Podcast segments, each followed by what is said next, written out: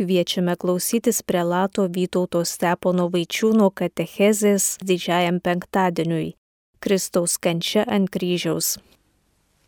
Mėly ir brangus, išgyvename labai prasmingą ir brangų laikotarpį gavėnę. Vis arčiau artėjame prie Velykų švenčių, bet nebūtų didžiojo prisikėlimo paties Kristaus, jeigu nebūtų įvykę tos didžiosios Kristaus kančios.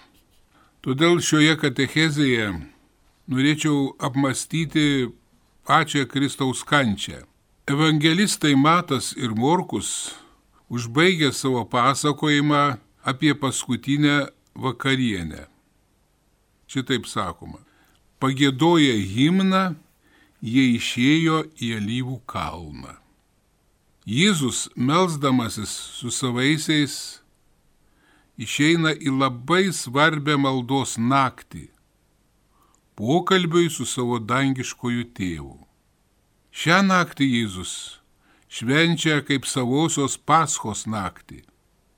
Jėzus čia ateina, žinodamas, kad susitiks su savo išdaviku ir praleis paskutinės savo kančios valandas. Ir štai jie visi atėjo į ūkį vadinamą Getsemane. Jėzus sako mokiniams, pasėdėkite čia, kol aš melsiuosi. Netoliese buvo didelė natūrali uola, galėjusi būti saugi, nes ir nelabai tinkama nakties vieta Jėzui ir mokiniams. Šiandien tai viena garbingiausių krikščionių vietų. Kas čia apsilanko, prisiliečia prie dramatiškos mūsų atpirkėjos lėpinio viršūnės. Čia Jėzus patyrė didžiausią vienišumą, visų žmogaus būties vargą. Čia ją perverė didžiausias sielos gelmių nuodėmis ir viso blogio bedugnė. Čia jį sukrėtė artėjanti mirtis. Čia išdavikas Judas jį pabučiavo. Čia apleido visi mokiniai. Čia Jėzus grūmėsi ir dėl mūsų kiekvieno žmogaus. Po bendros apieiginių psalmių maldos Jėzus meldžiasi vienas.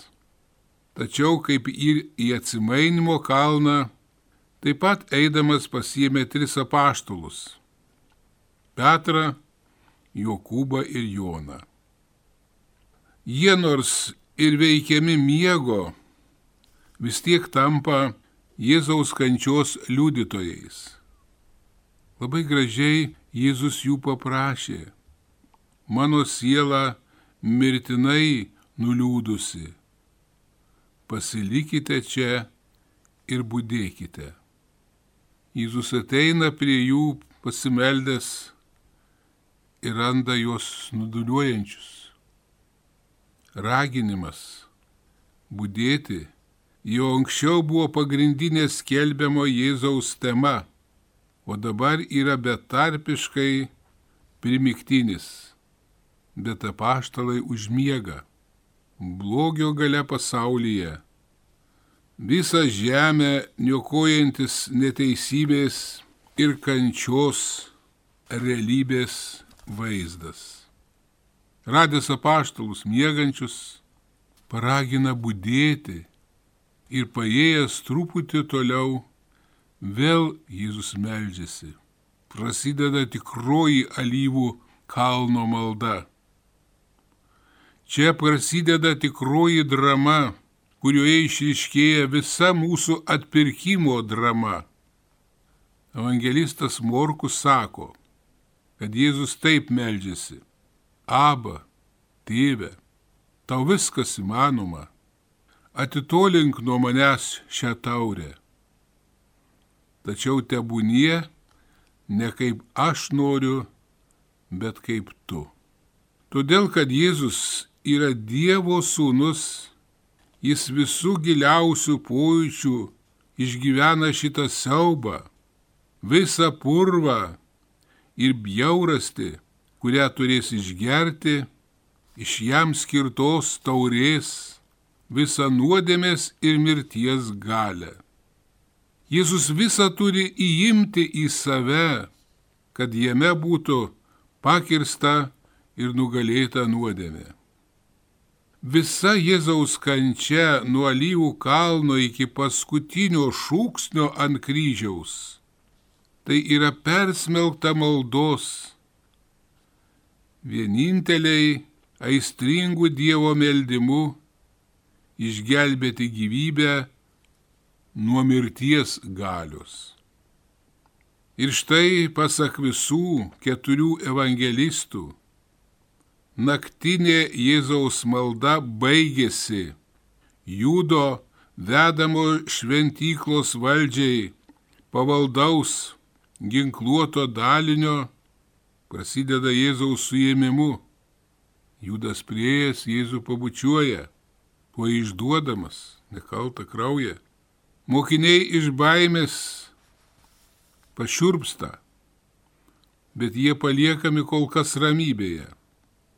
Akivaizdu, kad Jėzaus pasirodymas ir aplink jį besitelkiantis sąjudis, šventyklos valdžia, aišku, jeigu žiūrėsime iš pradžių labai menkai domino. Ir štai turbūt visas tas šurmulys pakilo verbų sekmadienį.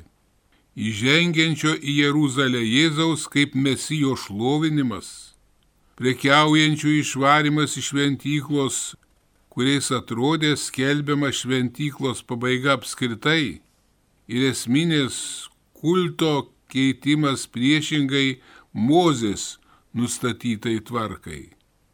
Jėzaus šventykloje sakome, pamokslai, Jėzaus pamokslai.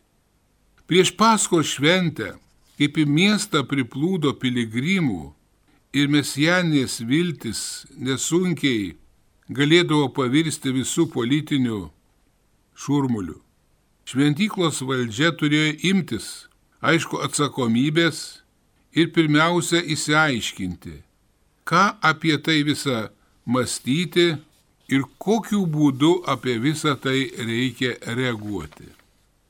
Kai žiūrime taip giliau, atrodo vis dėlto nederėtų skubėtai smerkti Jėzaus priešininkų vien politinės tik tai traktuotės.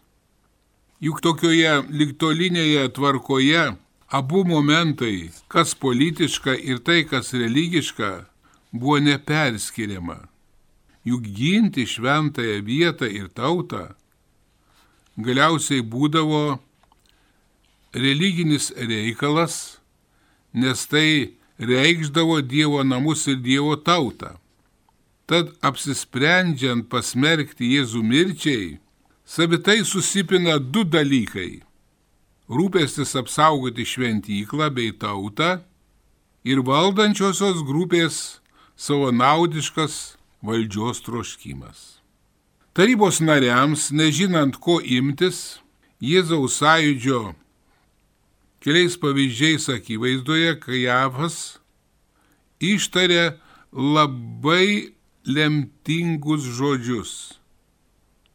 Jūs nieko neišmanote ir nepagalvojate, jog jums geriau, kad vienas žmogus mirtų už tautą, o ne visa tauta žūtų. Šie žodžiai pirmiausia rodo, kai susirinkusi taryba liktol vengė mirties nuosprendžio ir ieškojo kitokių išeičių iš tos esamos krizės sprendimo, bet jų nerasdama. Kajafo žodžiai faktiškai prilygo mirties nuosprendžiui. Ir štai Jėzus aukštojoje taryboje. Aukštosios tarybos susirinkime priimtas principinis sprendimas - imtis priemonių prieš Jėzų naktį iš ketvirtadienio į penktadienį, įgyvendintas Jėzus suimant ant alyvų kalnų. Dar naktį Jėzus buvo nuvestas į vyriausiojo kunigo rūmus kur buvo susirinkusi aukštoji taryba, vadinamasis sinedriumas, su savo trimis kunigų vyresniųjų rašto aiškintojų funkcionieriais. Tikėtinų dalykų, kad Jėzaus bylos aukštojoje taryboje teisminis procesas buvo tai nuodugnus tardymas, pasibaigęs nutarimu perduoti Jėzų nuteisti romėnų vietininkui. Pavojingas buvo aiškinimas tariamas, pasikėsinimas į šventyklą ir Jėzaus pretenzija į galę ją atstatyti. Štai kodėl, kadangi romėnų teisė turėjo žmogų pasmerkti tik tai mirties bausme, štai kodėl dėl kalbų apie šventyklos sugriovimą ir atstatymą Jėzui grėsė dar vienas kaltinimas, kad Jėzus reiškė misijinę pretenziją ir kažkaip save sutapatino su Dievu, o tai pasitarnavo Izraelio tikėjimo pagrindui, vieno ir vienintelio Dievo išpažinimui. Abu kaltinimai aišku, buvo grinai teologinės prigimties. Toliau, mesijinė pretenzija yra pretenzija į karaliavimą Izraeliui. Todėl turbūt ir ant kryžiaus, kaip Jėzaus mirties bausmės priežastis, taip jau sutapo, kad buvo iš tikrųjų parašyta žydų karalius. Roma šiaip ar taip gerbė aišku religinius Izraelio pagrindus ir šventykla bei tauta galėjo jaustis tam tikrų mastų egzistenciškai saugios. Štai kodėl Jėzaus tardymas aukštojoje taryboje baigėsi, kaip ir tikėjosi Kajafas. Jėzus pripažintas kaltu dėl šventvagystės, baudžiamas mirtimi. Kadangi su gyvybės atimimu susijusi kaip tik jurisdikcija buvo rezervuota tik tai romėnams. Teismo procesą reikėjo perkelti pas pilotą ir pirmiausia pabrėžti politinę kaltinamojo nuosprendžio pusę. Jėzus prisipažino, esas mesijas. Taigi pretendavo į karaliaus titulą, aišku, nors visiškai savaip. Tai reiškia jau politinį nusižengimą, už kurį persekiojo romėnų teisingumas. Romos vietininkas paprastai teisdavo ankstyvosiomis ryto valandomis. Tad Jėzų kaltintojai nuvedė į pretorijų ir pilotui pristatė kaip mirtini baudžiama piktadarį.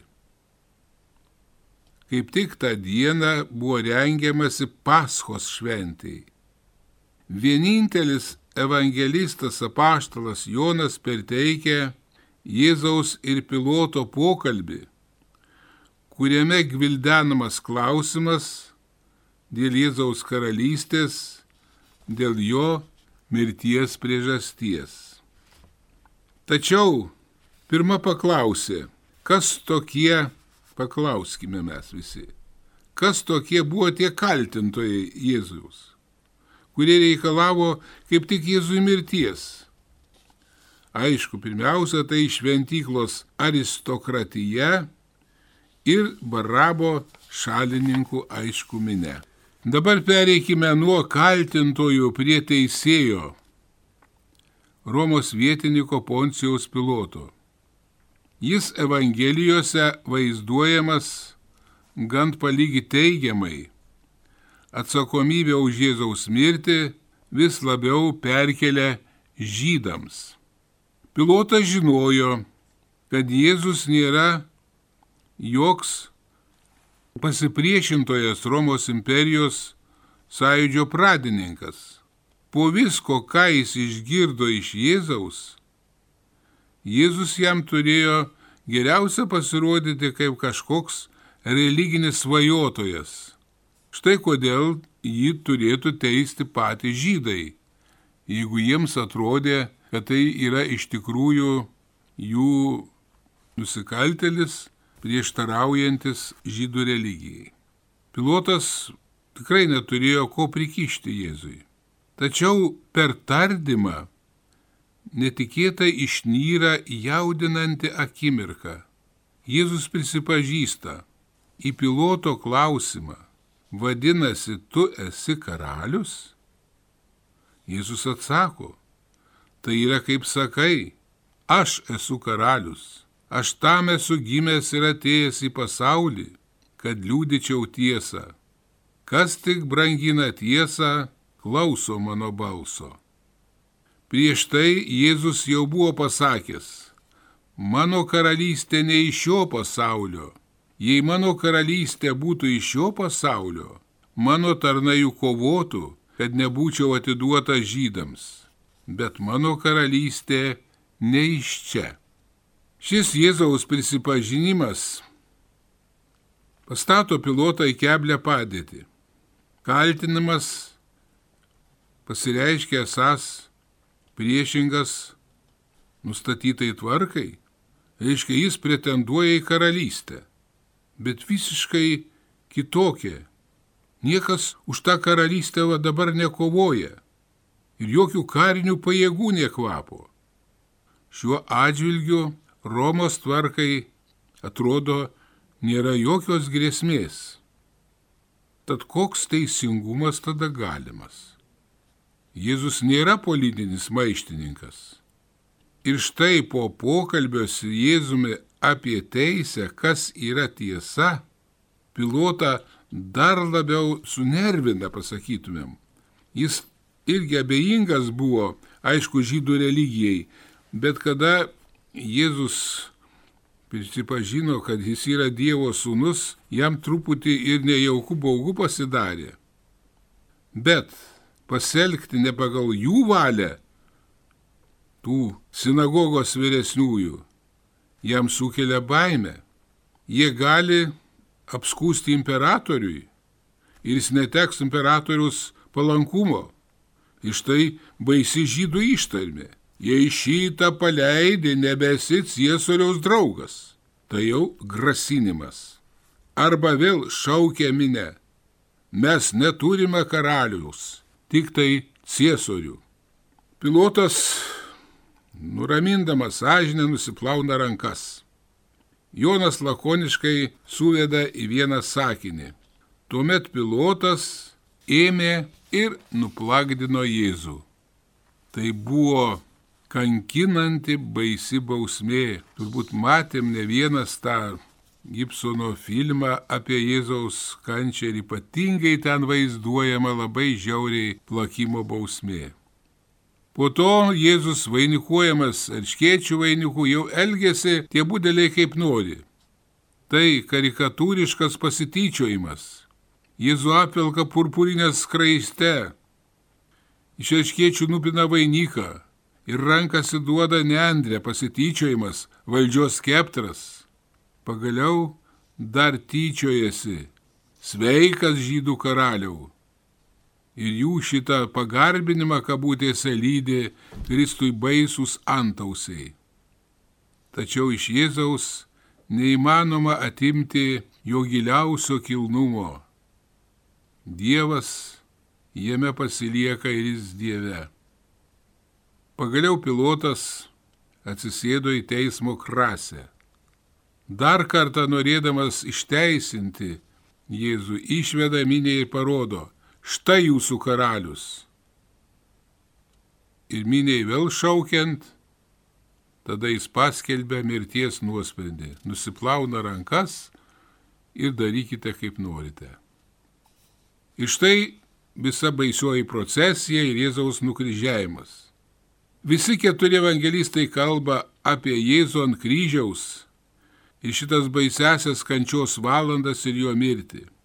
Kančios istorijon įauga daugybė užuominų į Senojo testamento tekstus. Pavyzdžiui, 22 psalmė yra didis kenčiančio Izraelio pagalbos šauksmas nevatylinčiam Dievui. 7-9 eilutėse kalbame apie maldininką supančiotus patyčias. 19 eilutėje kalbama apie drabužių dalymasi. Kryžiaus papėdėje tai aiškiai ir įvyko. Kitas tekstas - Izaijo 53 skyrius, kur žingsnis po žingsnio išpranašautas tas sudėtingas Jėzaus kančios kelias. Ir štai Jėzus jau kabo ant kryžiaus. Ir štai pasigirsta pirmieji jo žodžiai. Tėve atleisk jiems, nes jie nežino, ką dara. Vyriausiai kunigo, kunigai rašto aiškintojai tiksliai žino, kur gims mesijas, tačiau jie jo net pažino. Žinodami lieka akli. Šiuo atžvilgiu Jėzaus žodžiai apie nežinojimą ir jų taikymas įvairiose rašto situacijose šiandien turėtų sukrėsti, supurtyti tariamai žinančius. Nežinojimas sumažina kaltę, palieka atvirą kelią į atsivertimą. Tačiau tai nėra tiesiog pasiteisinimas, nes sikiu išduoda, jog tiesos reikalavimui spiriojasi atitinkamai iškėtėjusi širdis.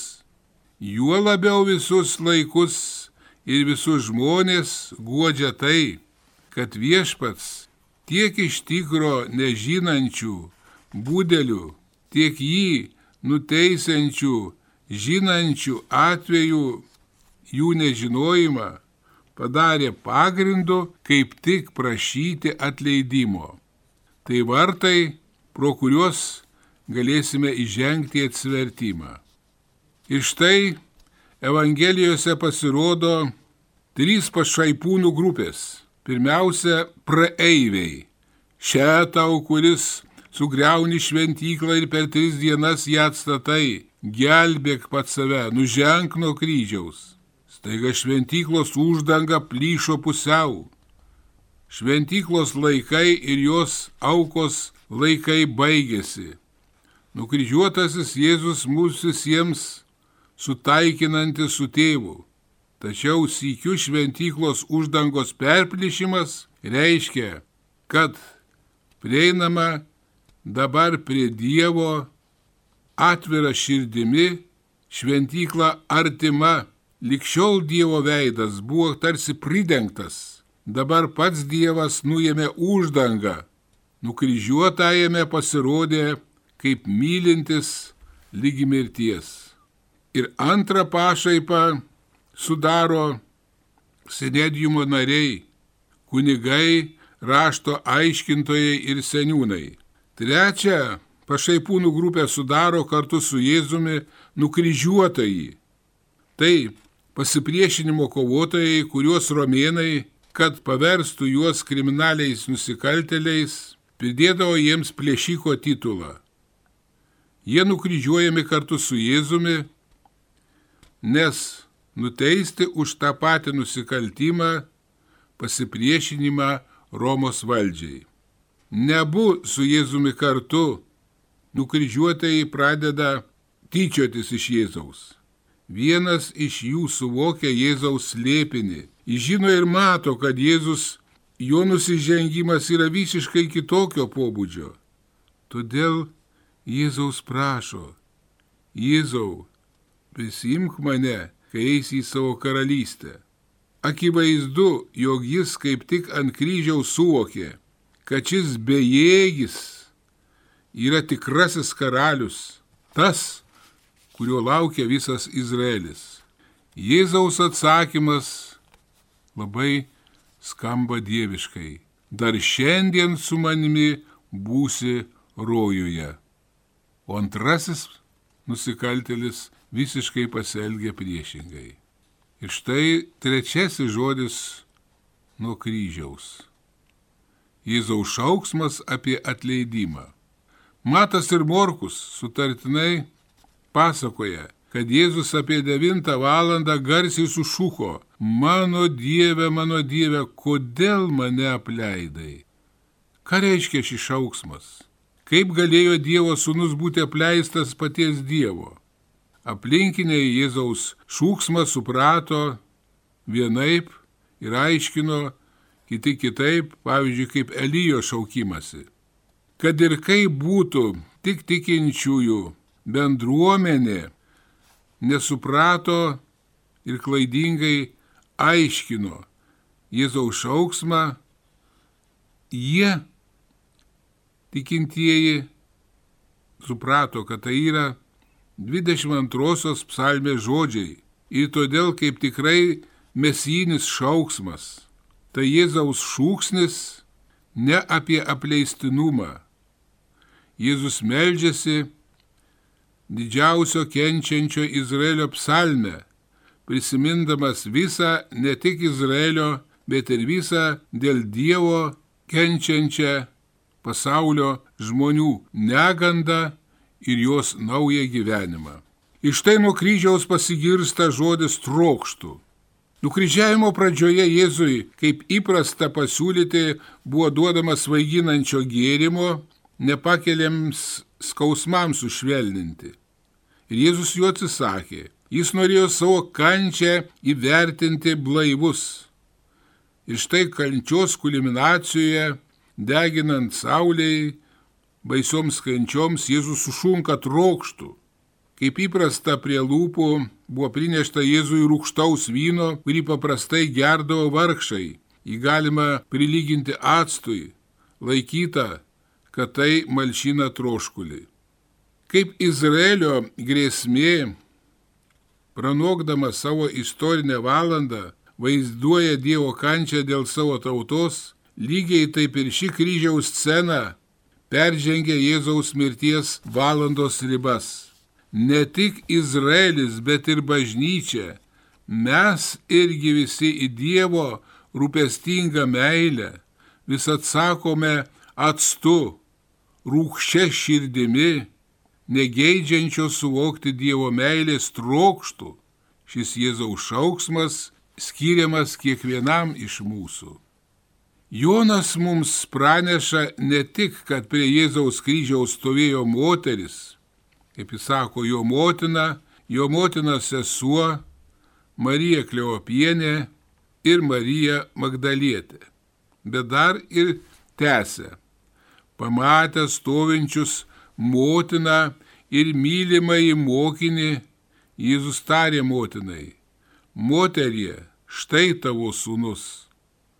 Paskui tai tarė mokiniui, štai tavo motina. Ir nuo tos valandos mokinys pasiemė ją pas save. Tai paskutinis Jėzaus potvarkis, tartum įvaikinimo aktas. Tad pirmiausia, tai labai humaniškas mirštančiojo atpirkėjo parodytas poelgis.